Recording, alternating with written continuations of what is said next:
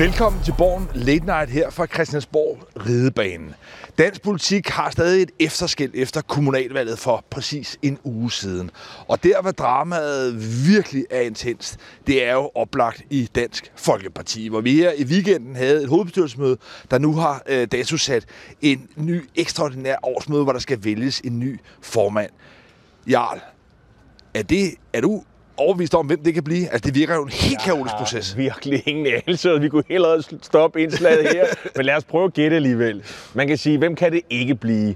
Hmm, altså, det kan man jo heller ikke rigtig udelukke. Men man kan sige, at der er jo nogle datoer her, fordi Morten Messerschmidt sagde, at den er jo nok ikke afsluttet, øh, inden man har valgt en ny formand. Øh, så enten så vælger man Messerschmidt, og så må man ligesom chance øh, på, at, øh, at så håber man, at den der lands, øh, øh landsretsdom, at den går i hans retning. Eller Øh, man siger, ham vælger vi ikke, men, men fordi lige, vi tør ikke chance. Men lad os lige prøve at holde fast på Morten Messerschmidt, fordi han har jo i mange år været kronprinsen i Dansk Folkeparti. Han har været Pia Kærsgaard, partistifterens udvalgte. Mange ting har været lagt i rette for, at han kunne overtage efter Christian Tulsendal.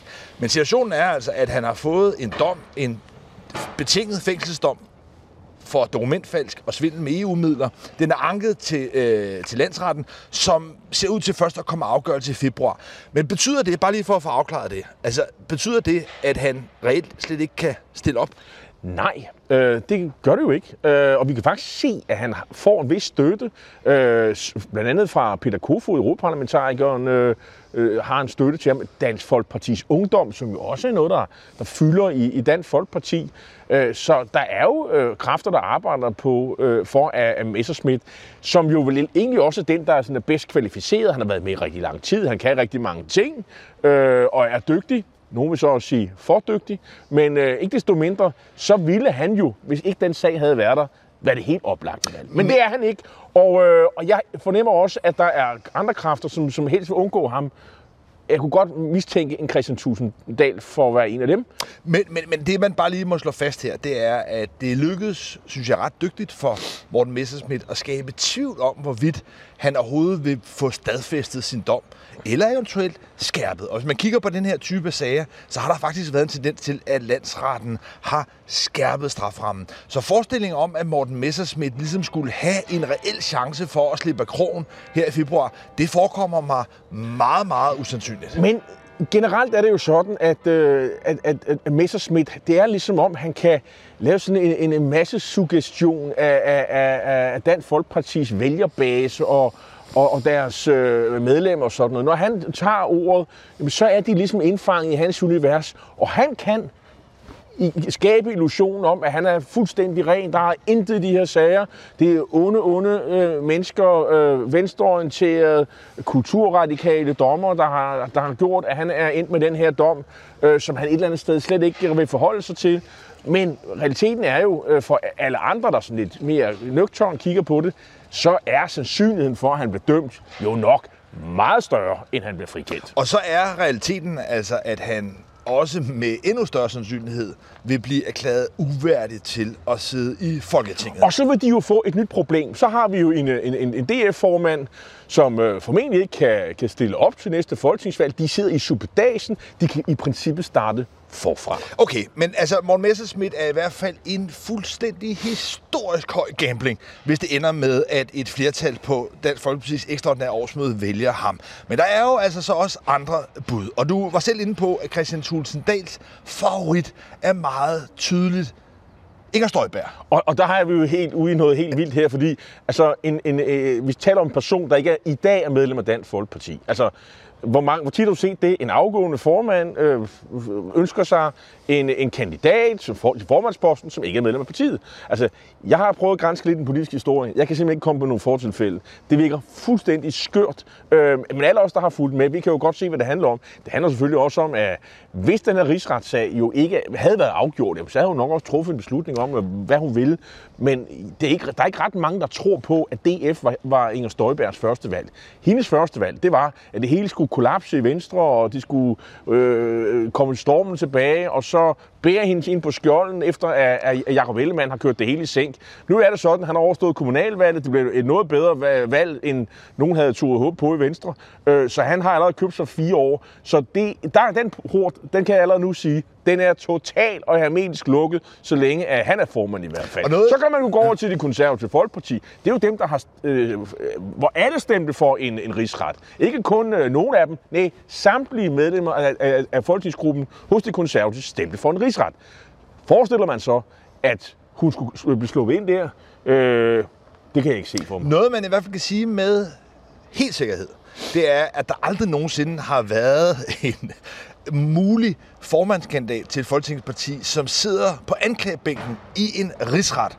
Og det er jo altså den anden meget, meget store joker, der er her, at det inden jul vil blive afgjort, om Inger Støjberg kan kendes skyldig for den her ulovlige instruks om øh, forskelsløs øh, adskillelse af unge asylpar.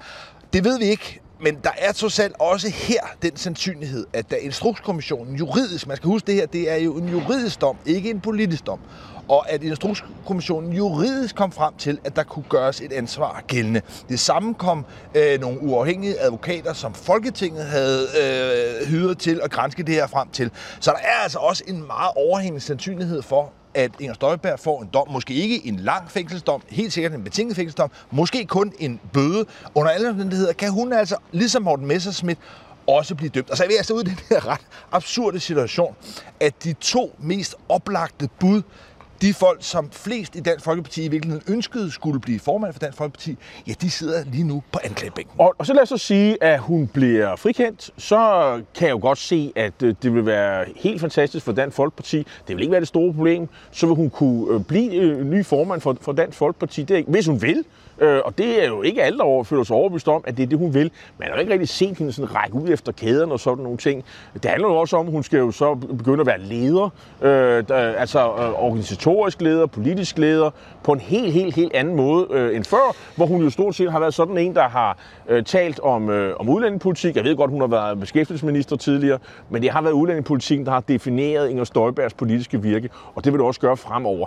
Jeg er ikke i tvivl om, at hun kun blive det, hvis hun vil. Øh, hvis hun nu så bliver dømt, jamen så er det jo, at problemerne opstår igen, og, og kan hun i det hele taget blive valgt til Folketinget?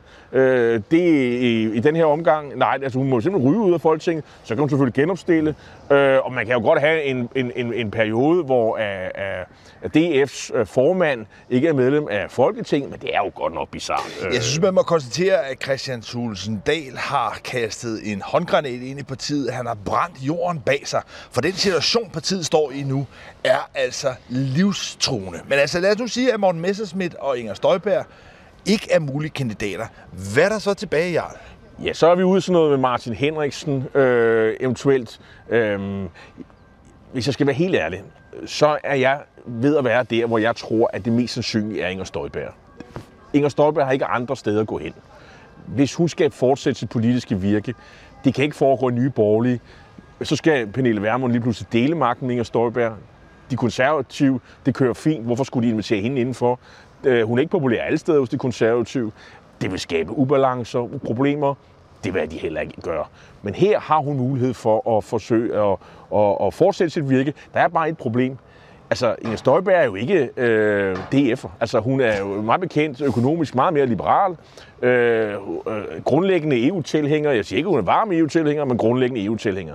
Øh, så der vil sige, der er jo altså, okay, Paris er jo en messe værd, øh, som øh, Henrik den 4. sagde, da han jo skiftede protestantismen ud og blev katolik, så han kunne blive Frankrigs konge, og det samme kunne ske her. Øh, at hun også synes, at Nå, ja, men vi kan jo sagtens øh, købe den der pakke, så er jeg tilbage, fordi det er udlændingepolitikken, der er vigtig. Jeg hælder nok til, at det bliver Inger Støjberg. Men det er i hvert fald en total nedsmeltning, der er i Dansk Folkeparti. De kommende uger bliver virkelig intens interessante. Men der er også andre problemer. Mette Frederiksen virker også i granatchok efter det kommunalvalg, der var i sidste uge, hvor Socialdemokratiet jo gik massivt tilbage i de store byer. Men her i de seneste dage er hele den her skandalesag om de slettede sms'er også blusset op for alvor. For det har vist sig, at man faktisk fra politiets side jo havde forsøgt at rekonstruere og finde indholdet på de her mobiltelefoner. Det resultat kom fredag før kommunalvalget. Justitsministeriet holdt så et møde med Mink-kommissionen mandag morgen, hvor man fra en, jeg vil kalde ham den nye sheriff i byen, Kistrup, landsdommeren, der er formand for Mink-kommissionen. Det er ham, der minder lidt om Tommy Kenter, hvis nogen har set ham på billedet. han lagde sådan set op til, at øh, de tre afgørende personer, som er statsminister Mette Frederiksen, departementchef Barbara Bertelsen, departementsråd Pelle Pape og øh, stabschef Martin Justesen, at de nu fik de her forsejlede konvolutter, kunne få lov til at åbne dem og kunne offentliggøre dem.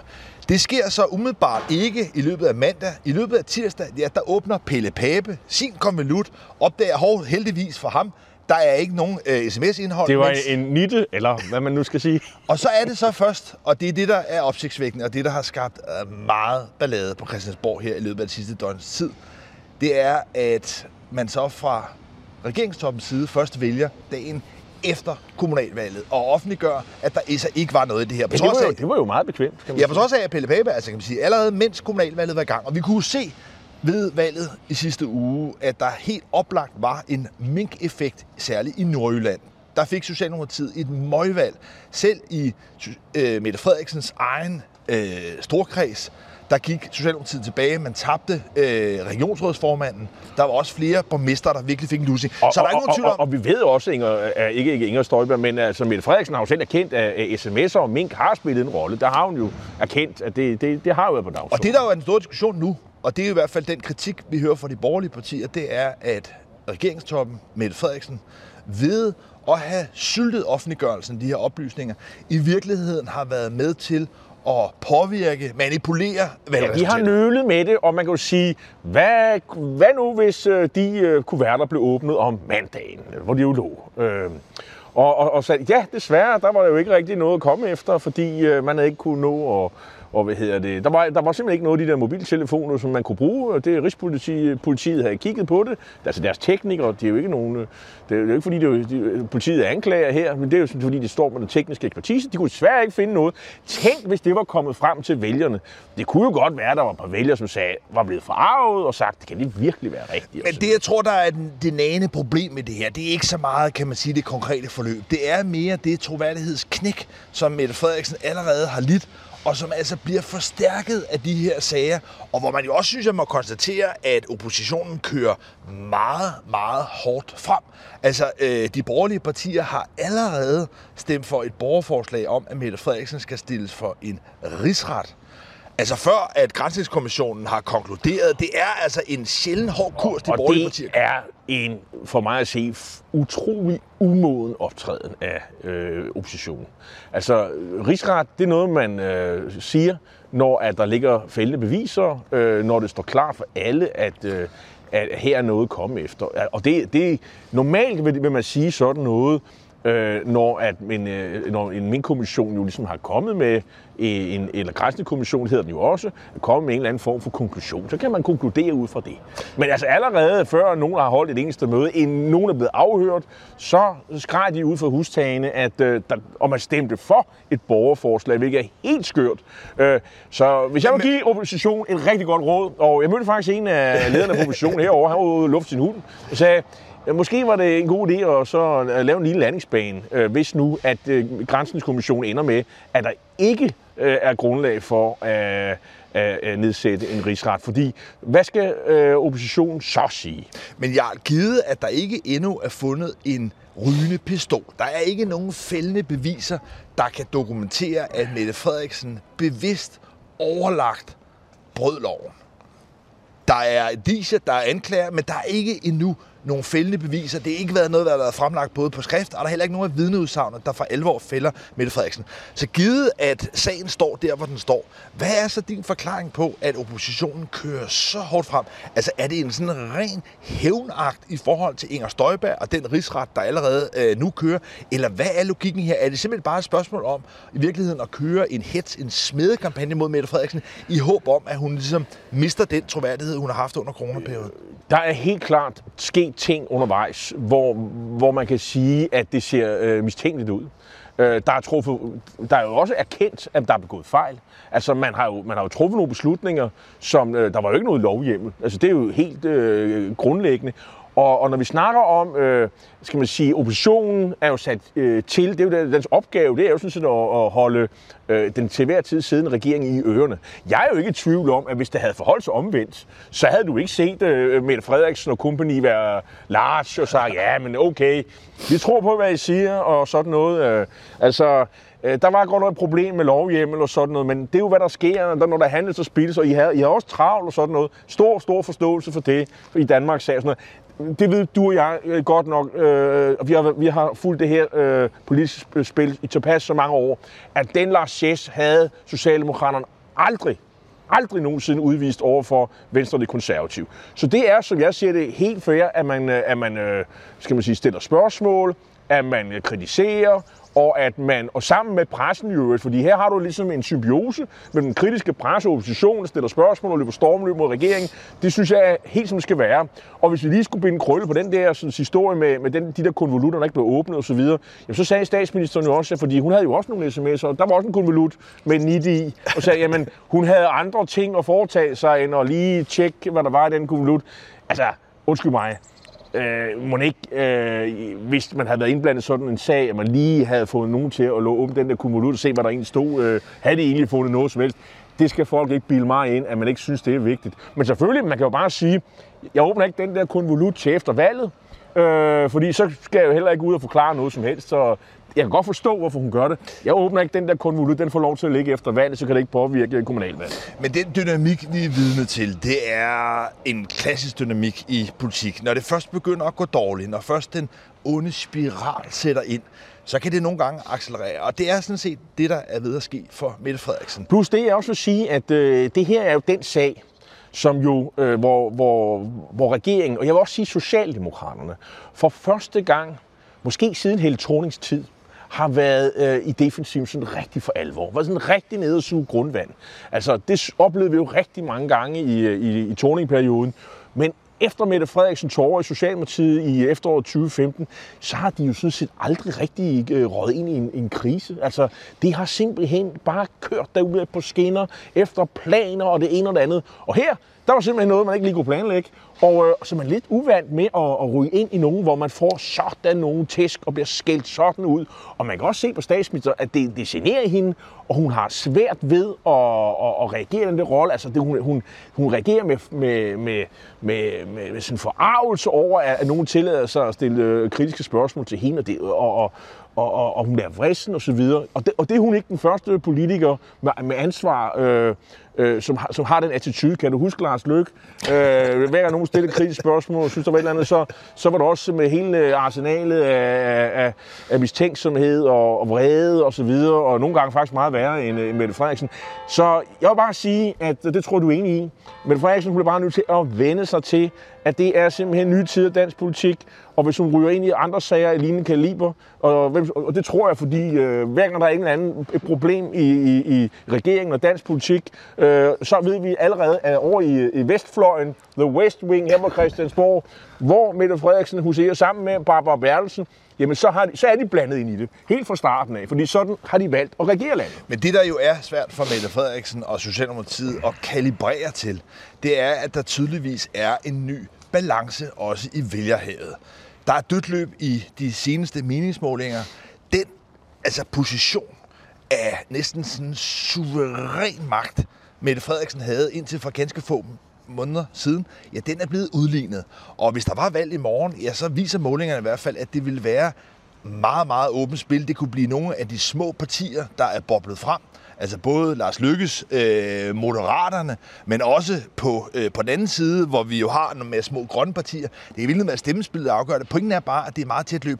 Og det er jo en meget, meget ny situation for Mette Frederiksen, at hun har måske vendet sig lidt til, at måske blevet lidt øh, fartblind, sådan rent magtudøvningsmæssigt, til ligesom at forholde sig til, hov, nu er der lige pludselig en åben situation.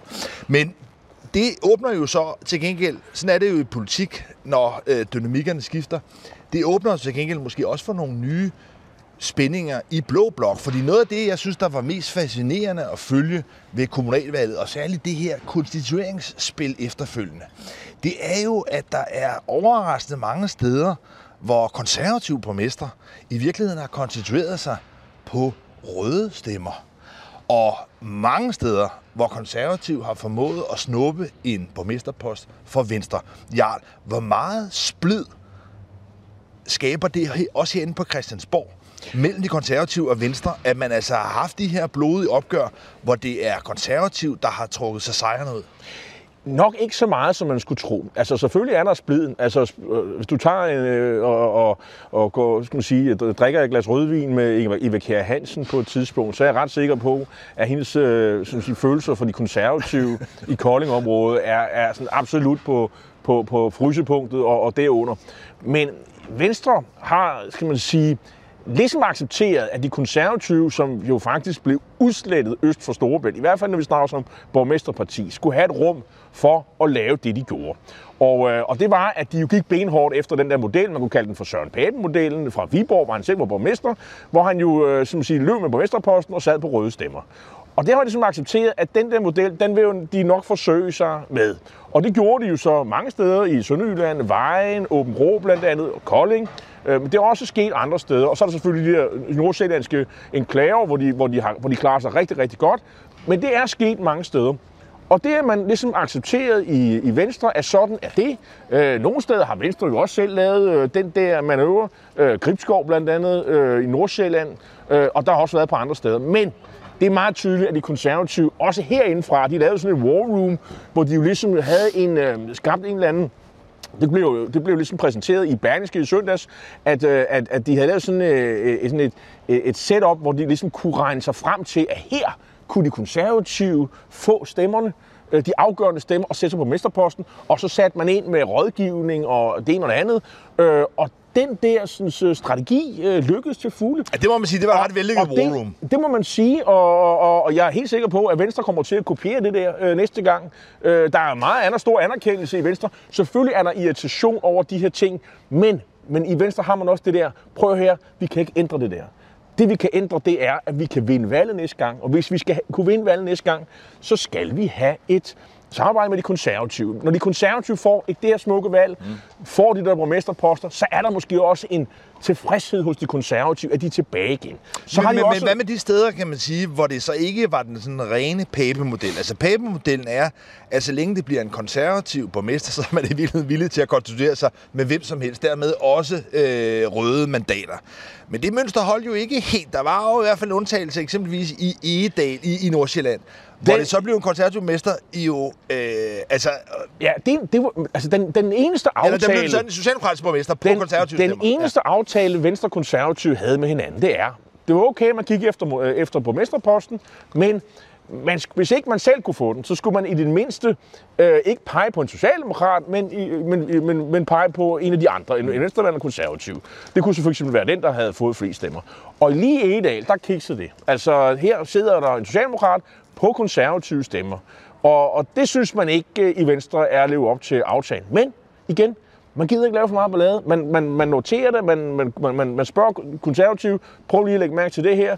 Men man vil ikke sidde og sætte et, øh, synes man selv, et forhold, man er ved at bygge op mellem øh, Ellemann og Pape over styr. Øh, det, øh, man har fokus på det lange øh, blik, altså det langsigtede mål, som er, at øh, man vil regere igen. Og man ved også godt nu, at det bliver med de konservative. Hvem skulle det ellers være med? Men det er altså noget af en hurtig bundvending, vi har set i dansk politik. Altså, vi har stået her øh, flere gange og talt om, hvor stærkt Mette Frederiksen stod, hvor stor sandsynlighed der var for, at hun på en eller anden måde kunne regere videre, om ikke i et årtusindrige, så i hvert fald kan man sige i flere perioder i træk, mens der var splid og nid og nag i den blå blok. Men nu ser vi altså måske i høj grad båret frem af vælgernes dom i sidste uge, at Søren Pape og Jakob Ellemann Jensen har fundet hinanden i en sådan våbenstilstandslinje i hvert fald, mens Mette Frederiksen til gengæld altså sidder noget ramponeret tilbage. Og hvis man skulle også lige ind og sige her, så er det jo sådan, at øh,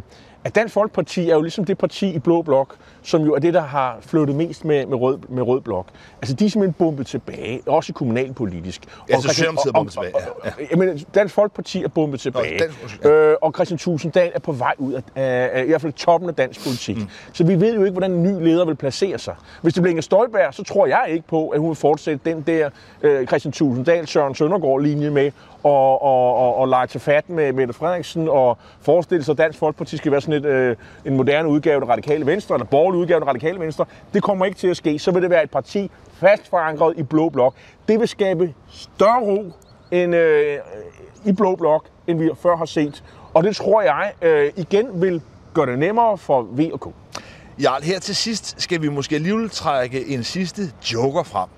Fordi med de meget tætte meningsmålinger, der er, en mere konsolideret blå blok, en mere ramponeret socialdemokratisk statsminister, ja, så kan det blive nogle små marginaler, der kan afgøre det. Og det kunne eksempelvis være Lars Lykkes nye parti, Moderaterne, som ganske vist i målingerne ikke rigtig sniger sig op over spærregrænsen, men formelt set er det jo heller ikke stiftet endnu. Moderaterne bliver faktisk ikke målt. Men jeg kan huske, at Lars Lykke ved flere lejligheder har ligesom sparket dåsen lidt ned af vejen og sagt, Nej, men han ventede lidt med at lancere partiet til efter kommunalvalget. Nu er det en uge siden. Har du hørt noget til det her parti? Ja, og vi, sidste gang vi optog øh, sidste uge, der mødte vi ham faktisk herovre, og, og han fik en lille snak, og det var meget, meget hyggeligt i øvrigt. Øh, og, og der sagde jeg jo blandt andet også, øh, men nu, nu er vi jo efter kommunalvalget, og så hvad snakker vi dage, snakker vi uger, er det inden jul, at, at Moderaterne opstår som parti? Og svaret øh, lød sådan set, nej, det er engang ind i det nye år, og der er ikke sat dato på onde tunger, og dem, dem er der jo nogle stykker, øh, de siger jo, at jamen, Lars Lykke, hvad er han egentlig interesseret i at lave et politisk parti? Fordi Hvordan er der egentlig, Lars Lykke finansierer sit parti lige nu? Jamen det er jo ved, at folk sætter nogle checks osv. I samme øjeblik, øh, at Moderaterne bliver til politisk parti, så skal de jo opgives, øh, følge reglerne og partistøttereglerne. Men indtil videre det er bare en debatklub. Jamen så ser man ikke rigtig, hvad de penge bliver brugt til. Og han har jo ikke rigtig lavet det der helt store forkromede partiapparat og alt det der. Øh, så det venter han jo nok med, fordi så, det, det er jo også noget, der er dyr i drift. Oh, så må ikke ja. Lars Lykke håber på, at, og, og man siger, han har jo nok regnet med, at valget måske kunne komme lidt, lidt, lidt tidligere, end det nu ser ud til at blive. Nu tror jeg, alle er enige om, det valg, det kommer først i 23. Jeg... Så det vil sige, han har sparket dåsen længere ja. ned, og det parti, tror jeg, øh, ja, tidligst bliver, øh, opstår en gang i foråret. Men jeg synes, det giver god mening at, at tale Moderaterne og Lars Lykkes parti en anelse ned lige nu. Men det er altså ikke slut, før den tykke dame har sunget. Og jeg tror, når vi kommer frem til et valg, og det valg, det er altså blevet udskudt væsentligt efter det her kommunalvalg. Mette Frederiksen sidder ikke lige nu og spekulerer på at udskrive valg, så Lars Lykke har god tid. Men, og når men, det valg men, først kommer med tætte meningsmålinger, så kommer Lars Lykke til at kunne spille en nøglerolle. Han har vist sig virkelig stærkt i valgkamp. Ved den sidste valgkamp, ja, der formåede han jo også med den her kanin i hatten, med den her forslag om en øh, SV-regering, i virkeligheden og kortslutte hele debatten, men også at løfte Venstre voldsomt. Han er dygtig i valgkamp, så altså Lars Lykke, han får en markant platform, men vi han har, altså ikke partiet nu. Vi har øh, været tilpas længe omkring øh, dansk politik, og især Lars Lykke til aldrig at undervurdere ham. Han er meget, meget hurtig på de sidste 100 meter øh, i valgkampe. Øh, det er ikke altid, han præsterer. I 2015 synes jeg ikke, man kan sige det. Men er alligevel et enormt dårligt valg, og så ender han med at blive statsminister. I 2019 var det omvendt. Øh, han blev ikke statsminister trods et øh, fremragende valg for Venstre. Men det er altså en mærkelig status. Øh, Christian Thulsen Dahl, som jo har domineret dansk politik i mange år, han er nu reelt på vej ud. Og Lars Lykke, ja, han kan gøre et spektakulært comeback. Tusind tak, fordi du så med her i Borgen Late på gensyn om en uge.